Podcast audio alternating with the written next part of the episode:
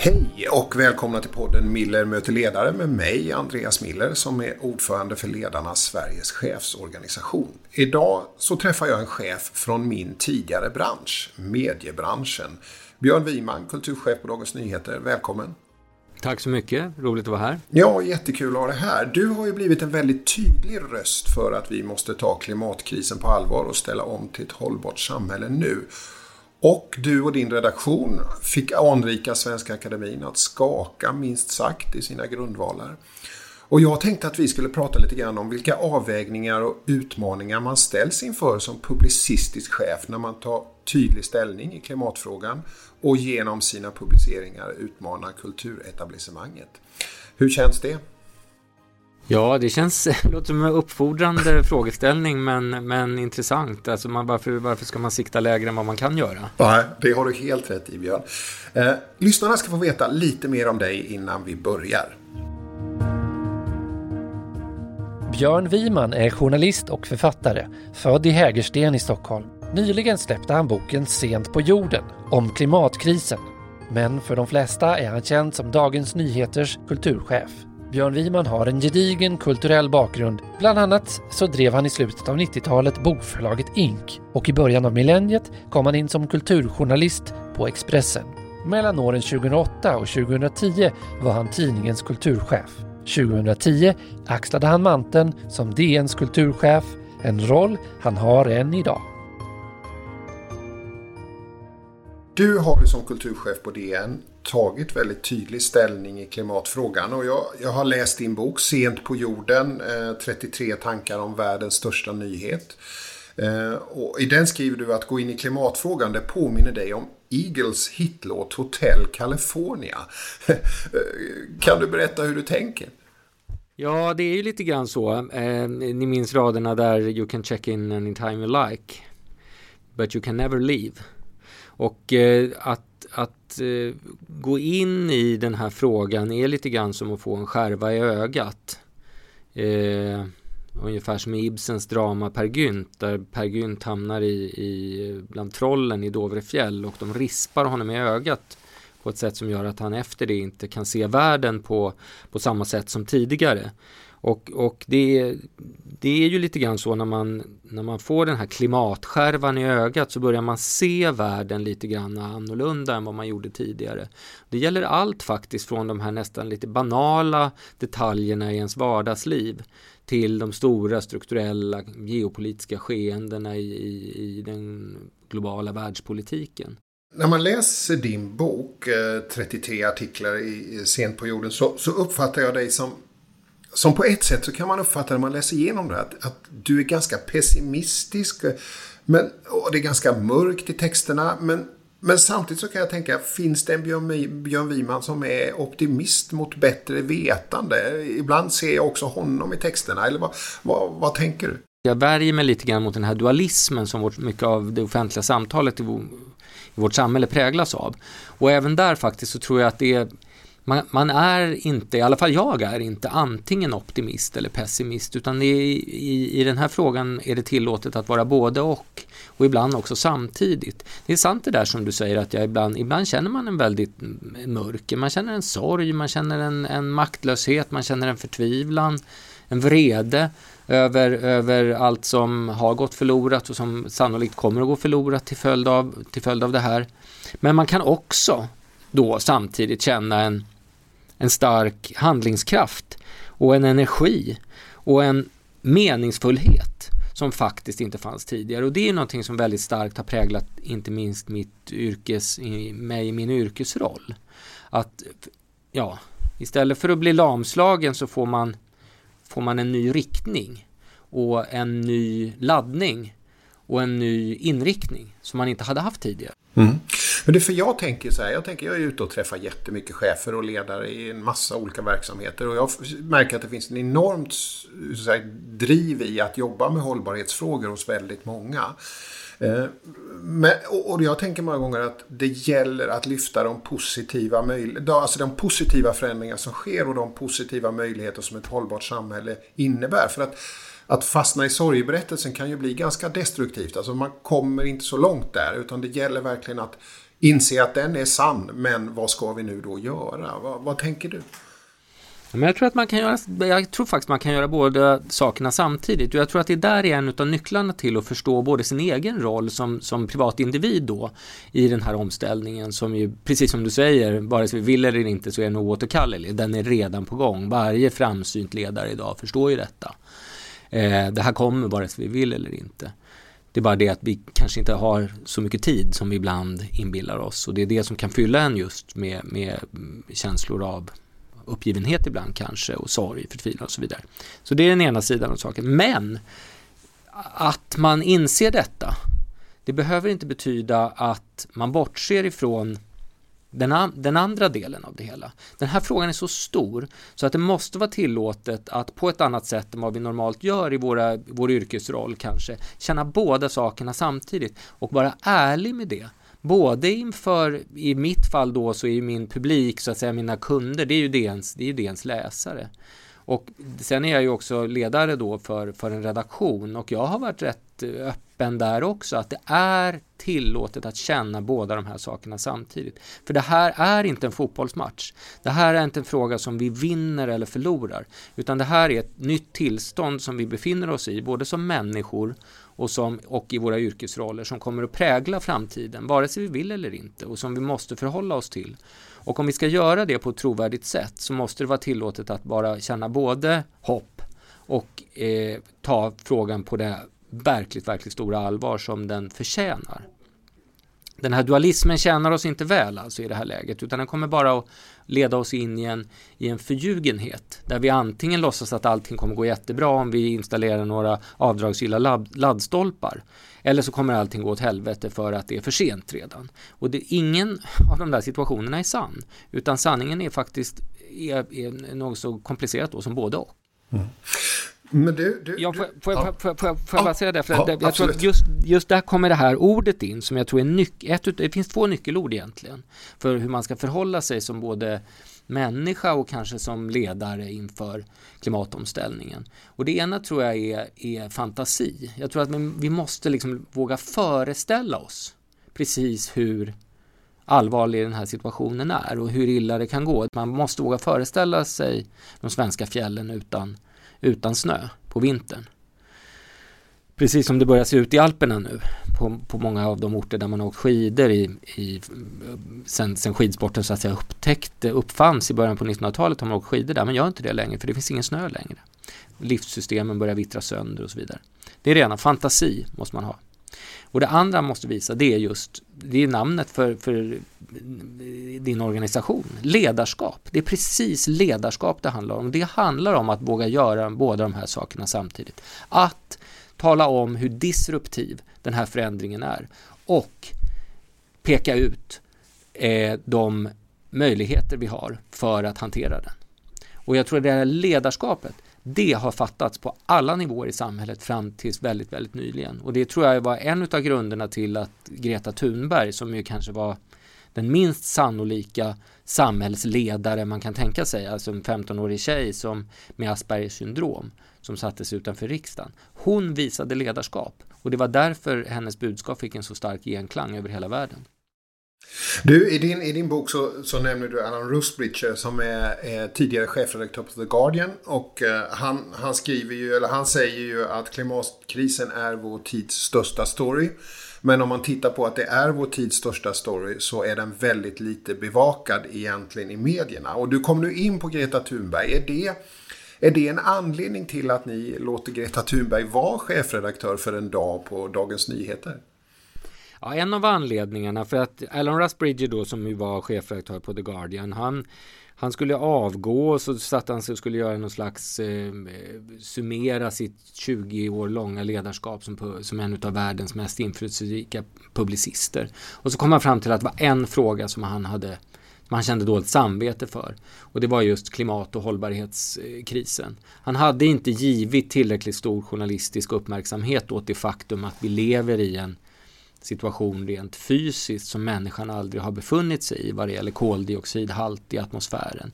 Att vi lever i ett sjätte massutdöende av liv på jorden. Att temperaturen stiger mycket mer än vad den borde göra om vi ska undvika eh, farliga, livsfarliga situationer i framtiden. The biggest story in the world, världens största nyhet. Och så såg han på hur den här storyn då har behandlats i medierna, i hans egen tidning, men i alla andra medier också. hur behandlas den där då?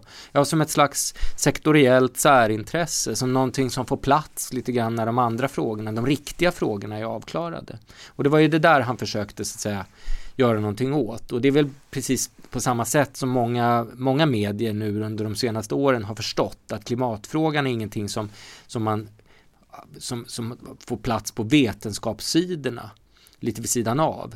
Vetenskapligt är den här frågan redan avgjord. Vi vet att människans utsläpp av, av, eh, växt, av koldioxid värmer temperaturen på jorden och vi vet att det måste upphöra. Och då tyckte ni att det var viktigt att, att för en dag manifestera detta. Du, du har ju skrivit om det här otroligt mycket de senaste åren och du har ju blivit känd som kulturchef som Kanske kan man på ett sätt ha kommit in i ett område som kanske kulturchefer vanligtvis verkligen inte har ägnat sig åt och så. Men eh, ni har ju också fått ganska mycket kritik då av andra medieföretag. Att ni ger efter för en, en, en ja, ska säga att er granskande oberoende roll och kan bli en kampanjtidning är det vissa som har beskrivit det som och sådär. Hur ser du på den kritiken? Alltså det är ju det är en viktig diskussion och den har ju funnits även internt här på Dagens Nyheter och den ska man ju ha stor respekt för. Jag menar det vi det vi gör, är, vi sysslar ju med journalistik, vi sysslar inte med aktivism. Men det som, det anledningen till det här greppet, att vi gör det här greppet, det är ju att vi in, anser och inser skulle jag vilja säga också att vi som journalister har misslyckats med att ge den här berättelsen den den tyngd som den förtjänar att ha. Vi har misslyckats med att visa hur klimatfrågan kommer in i alla de journalistiska ämnesområden som vi normalt sett bevakar. Och då var det här ett sätt, eftersom att Greta Thunberg var här på Dagens Nyheter. Hon är en ledande röst i, i klimatfrågan. Hon är en ledande röst som under de år som hon har verkat då ständigt har påmint om vikten av vetenskap, forskning. Och i grunden handlar ju det för oss om att komma närmre en sann verklighetsbeskrivning. Så det har ju ingenting, på det sättet har det ju verkligen ingenting med aktivism att göra. Utan det är ju snarare ett sätt att göra bättre journalistik och ett spännande sätt att göra journalistik. Ett sätt som jag har har ju använts av internationella tidningar under många, många år. Det här greppet att, att ta in en gästredaktör. Men det är klart att det har väckt diskussion och den diskussionen är otroligt viktig att ha. Den är viktig att föra öppet och transparent och ha respekt för de som har en annan uppfattning. Men den visar också, skulle jag säga, både den, in, den diskussion som har varit i offentligheten och den diskussion som vi har haft internt på Dagens Nyheter visar att den här frågan inte är så okontroversiell som man kanske kunde tro. Klimatfrågan skulle man ju säga då är ju någonting som alla är överens om och alla tycker väl att vi ska ha mer klimatjournalistik och så vidare. Men ja, jag är inte så säker på att alla egentligen eh, känner att det är så. Och det tror jag det är det som ett sånt här grepp då kan visa. Och det kan också om det faller väl ut. Alltså det här ska ju bli bra. Vi har inte sett tidningen än. Jag tror att den kommer bli väldigt bra. Och om det faller väl ut så kan det också vara ett sätt att ta ett långt kliv framåt på väldigt kort tid. Som annars hade tagit ett år eller två år att ta. Det klivet kan man nu kanske ta på några månader. Du, men du som chef då? Som kulturchef i det här när du märker att här finns det liksom olika åsikter på redaktionen. Hur, hur, hur, du säger att man ska ha respekt för den. Hur visar du den respekten? Hur möter du det? För det blir ju ändå nu så att hon kommer in. Hon, är, hon kommer vara chefredaktör för en dag så att säga. Det blir ju, hur, hur, hur hanterar du de där, det där spänningsfältet? Men det är på samma sätt som jag tycker att man som ledare hanterar spänningsfält i, i andra situationer. Eh, man ska heller inte överdriva det, eh, utan det är ju en diskussion som en, en sund redaktion präglas ju alltid av en diskussion. Det finns olika uppfattningar från det lilla till det stora. Och här är det ju precis, här är det ju då ännu viktigare att man har det här samtalet, att man, att man släpper fram kritiska röster, att man tillåter diskussion och att man, att man, att man eh, arbetar vidare, tar in kritiska synpunkter, blir, blir ännu mer medveten än man kanske var från början om riskerna som finns med det här projektet och så vidare. Så att det tror jag är, just, just tidningsredaktioner tror jag Eh, kanske, kanske fördomsfull där men tidningsredaktioner tror jag är en, ganska, är en miljö som är rätt van vid den här typen av, av diskussioner. Och, och också mår bra av dem, att de finns där kontinuerligt. Om vi, vi ska lämna klimatfrågan just nu men jag tycker du på ett tydligt sätt har sagt hur otroligt viktig den är och vi på Ledarna delar verkligen den uppfattningen. Vi säger det att chef och ledare är helt centrala i omställningen till ett hållbart samhälle. Man måste vara med och beskriva de positiva möjligheter som finns och vart vi ska. För det är klart att det här kommer skapa jättestor oro hos många också. För jobb kommer ju försvinna.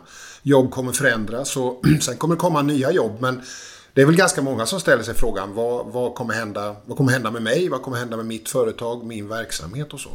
så att det finns... får, jag bara, ja. får jag bara flika in en sak till där, just som ett argument som jag tror man kan ha nytta av kanske som ledare när man möter den typen av oro och den typen av invändningar. Det är ju just det här som att, att man, man, tänker att va, ja, det, det, är en disruptiv samhällsförändring som vi står inför. Det tror jag på många sätt att det är. Va? Det är ju som pandemin fast den, pandemin har, har gått i klimatkrisen är en pandemi i slow motion. Den kommer leda till ännu större samhällsförändringar på lång sikt. Men det grundargumentet är helt enkelt det här att det, det kommer kanske bli, bli svårt och fyllt av utmaningar att klara av det här men inte hälften så svårt och jobbigt som det kommer bli om vi inte gör någonting idag. Därför att då kommer vi, då kommer vi gå under. Både, både de flesta företag som inte anpassar sig till omställningen och vår, vår eh, civilisationen som vi känner den också. Så det, det är svårt och dyrt att, att göra någonting åt det här men det är ännu svårare och dyrare att inte göra det. Mm. Och det är ju chefens uppgift att vara med och skapa den berättelsen och den förståelsen tänker jag. Du, kulturchef på Dagens Nyheter, vad är roligast med det jobbet?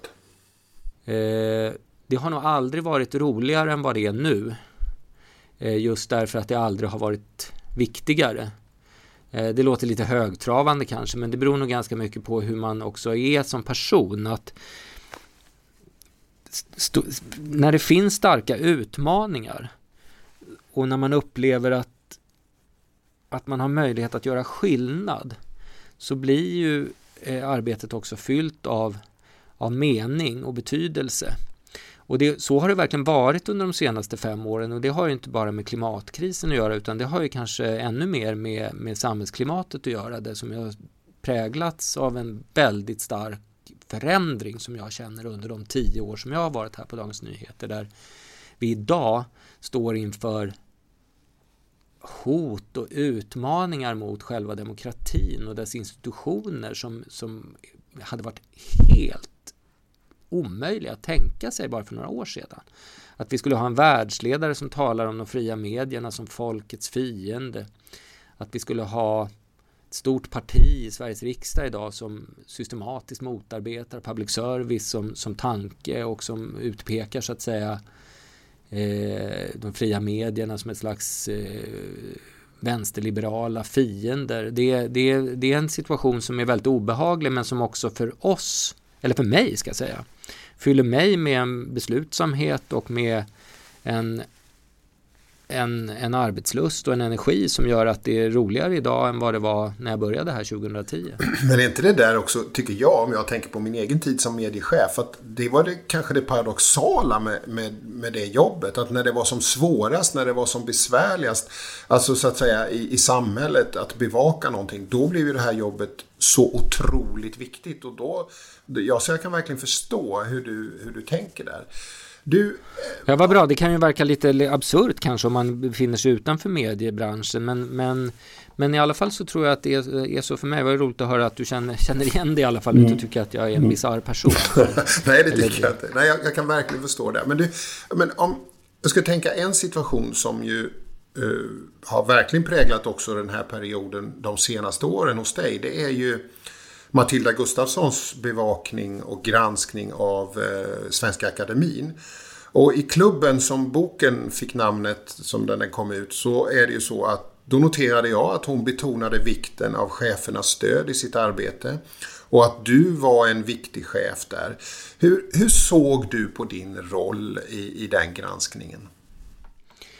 Alltså det var väldigt mycket ett lagarbete. Det här var ju en idé som Matilda fick själv och som hon drev väldigt mycket själv och väldigt egensinnigt. Med en stark, alltså en helt eh, beundransvärd journalistisk urkraft helt enkelt. Sen hade hon ju ett nära samarbete med min kollega Åsa Bäckman som är biträdande chef, kulturchef på DN också, som var helt ovärderlig för, för det här arbetet. Och eh, jag är ju ganska mycket i huvudsak tror jag som, som ledare eller chef överhuvudtaget så är jag nog ganska bra på att delegera och, och låta, när jag märker att någon har någonting som, som uppfyller den personen så, så låter jag verkligen, låter det gå så långt det går innan jag behöver kliva in så att säga. Så jag kom in på ett, jag följde ju allting och var medveten om hela projektet men jag följde det inte nära förrän det började närma sig publicering och vi började behöva fatta beslut om, om utgivarfrågor såsom namngivning och vi behövde börja dubbel och trippelkolla källor och uppgifter och, och verkligen läsa det här granskningen rad för rad på det sätt som vi gör när det är stora, stora avslöjanden. Och så att det här var någonting som, som jag verkligen inte i någon överdriven utsträckning alls kan ta, ta på mig äran för utan, utan jag lät duktiga människor göra sitt jobb helt enkelt och det var det, det, var det som resulterade i det här. Mm. Men då kan man, då kan man säga att efteråt som... en, en annan mm. delvis annan situation. Mm. Men då kan man väl säga så här att, att inför det så byggde du väldigt mycket på tillit. Ja, absolut. Eftersom att jag vet att det här var duktiga människor och jag märkte att de var besjälade av det de höll på med. Och jag själv också hade säkerställt att det var någonting som jag tyckte var väsentligt och, och relevant att, att lägga ner mycket tid på. Så, så, så var det väl absolut det som, som, som gjorde. Och, Men du, och det, det handlar ju väldigt mycket om att lita på att duktiga människor är duktiga. Men du, eh, när du kom ändå, det här skulle ju bli, det, det fanns ju otroligt sprängstoff i det här materialet bevisligen. Eh, och det fanns ju så att säga som du säger namngivning, det var utpekande av personer, det var, det var så att säga, hur såg den perioden ut för dig när du fattar beslut ändå om att nu ska det här gå i tryck? För ytterst, det kanske inte är ytterst du, men du är väl en väldigt viktig person i den processen? Absolut, det här var ju en sån publicering av det slaget där eh, både DNs redaktionschef Kaspar Opitz och ansvarig utgivare Peter Wolodarski var ju inblandade eh, verkligen på ett eh, handgripligt sätt i den här publiceringen. Det, det, visste vi ju allihopa att det här var en viktig publicering. Ingenting fick ju vara fel här.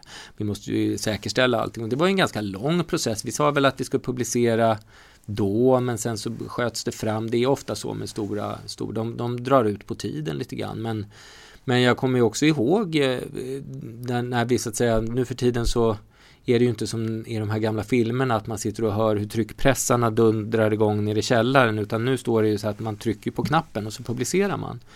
Och jag kommer ihåg väldigt tydligt hur, hur, de, hur vårt gäng här på kulturredaktionen, hur de samlades i en ring kring kring Anders som är webbredaktör när han tryckte på publicera-knappen. Och jag kommer ihåg också att jag satt en bit, jag, jag stod inte där då för att jag satt jag kände att det, där är, det här är deras grej nu, nu gör de det här och då hade det blivit en så stor grupp kring det här. Alla var engagerade i det.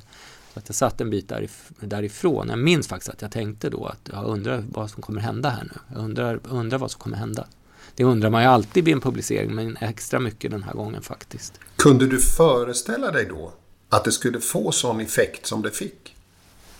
Nej, jag tror att en utav, det är min erfarenhet i alla fall, att en utav eh, det som präglar riktigt stora avslöjanden och riktigt bra saker som man publicerar det är att man faktiskt på förhand aldrig kan säga exakt hur det kommer att gå. Det var väl en brist kanske på fantasi som ofta präglar oss tror jag i, i, i när, vi, när vi försöker tänka oss hur det ska gå i framtiden. Hade någon till mig då sagt att om, om ett halvår kommer Svenska Akademin så att säga ligga i, i grus och aska och och halva institutionen kommer att ha avgått och, och eh, de kommer att bekämpa varandra i stora debattartiklar i tidningarna och så vidare. Då hade man ju inte trott det. Det hade ju varit fullständigt otänkbart. Och eh, eh, det, det, pekar väl återigen på, på att fantasi är en ganska bra egenskap att ha som, som ledare. Att försöka tänka sig både det ena och andra i, i förväg. Mm. Du, eh, när du tittar tillbaks på det här Eh, finns det någonting som du ångrar eller skulle gjort annorlunda idag som, som chef? Mm. Nej, jag tror inte det. det. Min fru sa mig några gånger så här, nu, du, nu har jag skrivit så många artiklar om Svenska Akademin, du, kan vi se, du, du behöver inte skriva en till. Men jag var verkligen besjälad av det här under den här tiden. Eh, och det, det, är möjligen så att jag skrev någon artikel för mycket om Svenska Akademin, men, men jag var besjälad av det också därför att jag såg det i en större i en större kontext som handlade om just förtroendet för samhällets institutioner. Och jag, jag var verkligen genuint upprörd över hur den här institutionen eh, vanskötte sitt, sin tradition och sitt inflytande och hur, hur man bokstavligen samspelade med tendenser i samtiden, alltså med, med, med den här skamlösheten som präglar en allt större del av, av både politik och övrig offentlighet. Så, så, att jag var, jag, jag, hade verkligen ett genuint engagemang och det tror jag gick fram till väldigt många. Men det är klart att jag möjligen skrev någon artikel för mycket. Du, du pratar ju om så att säga att du hade, jobbade oerhört mycket med tillit. Du litade på Matilda, du litade på Åsa, du visste att det var duktiga människor och du, så att säga, det var din förhållningssätt som chef inför den här publiceringen. Men du sa också att du, du, du pratade också om en roll efter publiceringen. Vad blev din roll där som kulturchef? Nej men där fick jag ju en roll som ett slags, eh, som en, som en opinionsbildare och, och eh, blev väl som i alla andra, alla frågor när de når en viss nivå i samhället så utvecklas så att säga eh, Eh, positioner och där fick jag ju positionen som en stark kritiker av Svenska Akademins hantering av det här ärendet. Men för mig så hängde det ju inte bara samman med institutionens eh, misskötsel av sin roll utan det var ju också viktigt för mig att hela tiden påminna om berättelsen som allting grundades i. Den grundades i de här 18 kvinnornas berättelser. Och det var ju någonting, det var kanske det som också ledde till att jag som, som någon sa då skrev någon artikel för mycket. Men jag, jag, jag tyckte att den berättelsen föll bort ur offentligheten som bara utvecklades till så att säga ställningskrig för och emot Svenska Akademin. Medan man glömde bort de här 18 kvinnornas berättelser som var grunden för hela publiceringen. Man glömde bort att vara metoo-rörelsens kärna, det vill säga den som ledde fram till att den här avslöjandet nu faktiskt kunde göras efter så många år. Det var ju för att det kom fram en kollektiv kraft i den här rörelsen. Och man glömde bort att det faktiskt ledde till att en person dömdes för två fall av våldtäkt. Allt det här försvann så att säga i, i stridslarmet och, och, röken på slagfältet och det såg jag som min roll väldigt tydligt att, att påminna om, nästan med en dåres envishet kan man nog säga att jag gjorde det. Du, vi börjar närma oss slutet av den här podden. Det har varit otroligt roligt att få prata med dig. Jag kan tänka mig att det är en del eh, vi har ju ganska många mediechefer som är med i Ledarna och de kommer nog lyssna på det här med ganska stort intresse tror jag. Eh, du, de och du är ju liksom eh, Flera av dem har ju rollen som du också har, att vara en offentlig röst och skribent och samtidigt driva en redaktion med medarbetare. Vad är ditt recept för att klara av balansgången mellan att leda andra och producera själv? Jag har alltid trott att det inte finns, jag har alltid eh, tänkt att det inte finns någon motsättning däremellan. Jag är ju uppfostrad journalistiskt på Expressen. Jag jobbade ju under de första tio åren av min journalistiska bana på Expressen och på Expressens kulturredaktion närmare bestämt. Och den är ju väldigt präglad av Bo Strömstedts anda skulle man kunna säga. Och den gick ju väldigt mycket ut på, på lek och musikalitet och att man skulle kunna skriva. Alltså det var ju viktigt där att man skulle kunna skriva. Det spelade inte så stor roll vad man tyckte eller vad man skrev om. Bara man gjorde det på ett briljant och, och eh, excellent sätt helt enkelt. Och därför har ju mitt ledarskap på ett lite naivt sätt kanske i vår tid när så mycket kretsar kring kanske lite mer administration och systematiska processer och liknande. Mitt ledarskap fortfarande präglas väldigt starkt av den här tron på att på att vara närvarande på redaktionen, att vara en journalist bland kollegor. Helt enkelt på grundtanken att det finns ingen plats i världen som är roligare att vara på än en tidningsredaktion. Och de som de som har kommit in och älskar att jobba på en redaktion, de kan ju aldrig möjligen tycka att det är roligt att jobba någon annanstans. Det, det tror jag väl, den, den lusten och glädjen över att få befinna sig på en redaktion där det kan hända vad som helst från en minut till en annan. Där det finns starka känslor, starka spänningar, stark glädje, stark sorg, stark vrede. Allt det där präglar nog, präglar nog mitt ledarskap. Tron på faktiskt att journalistiken är någonting exceptionellt. Att ett tidning är inte en fiskfabrik bland andra alltså. Utan det är en kanske låter, det här kanske låter lite storvulet, men det är en konstnärlig process. Och man måste låta det få vara det. Eh, det präglar mitt ledarskap. I det måste du ju ändå vara en ledare för vi vet att det finns rätt många tidningsredaktioner och medieredaktioner där man har lyft att arbetsmiljön inte funkar. Att det är liksom, det är inte bara den glädjefyllda bild som du visar. Hur, hur, hur skapar du en, en Alltså hur agerar du som chef? Vad tänker du att du måste göra för att upprätthålla den goda ja, bild måste, som måste, du... Jag, må, jag, måste ju vara, jag måste ju vara den själv som jag vill att andra ska vara. Och, vad, walk the, walk, walk the walk. Alltså. Och, och, och vad är det då? Jag måste, skri, jag måste skriva till att börja med. Regelbundet.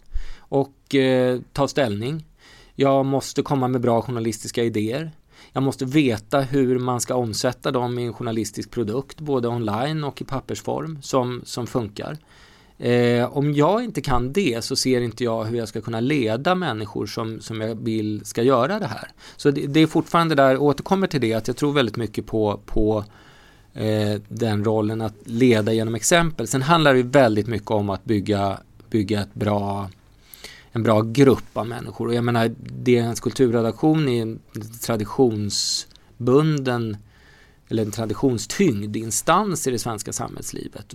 Och, jag har ju så enormt duktiga medarbetare här. Och eh, med, med ah, chefer som Åsa Bäckman och Harald Bergius som ju jag har arbetat med nu nära i tio år och som när man vet att man har en redaktion och medarbetare som man kan ge stort förtroende och man kan lita på, då är det inte så svårt heller att vara chef för dem. Utan väldigt mycket beror ju på att beror ju på att och, och skapa den här gruppen och sen lita på den helt enkelt. Så ditt råd är lita på dina chefer och medarbetare? Ja. Om de är bra.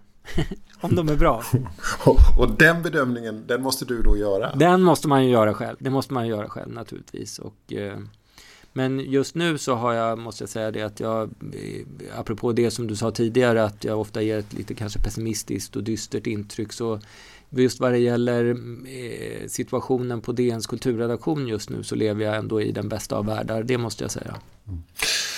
Eh, Björn Wiman, jag tycker vi slutar där i den bästa av världar. Det var väldigt roligt att få ha med dig i podden Mille möter ledare. Eh, jag önskar dig lycka till eh, som kulturchef på Dagens Nyheter. Tack för att du var med. Tack så mycket, vad roligt att vara med.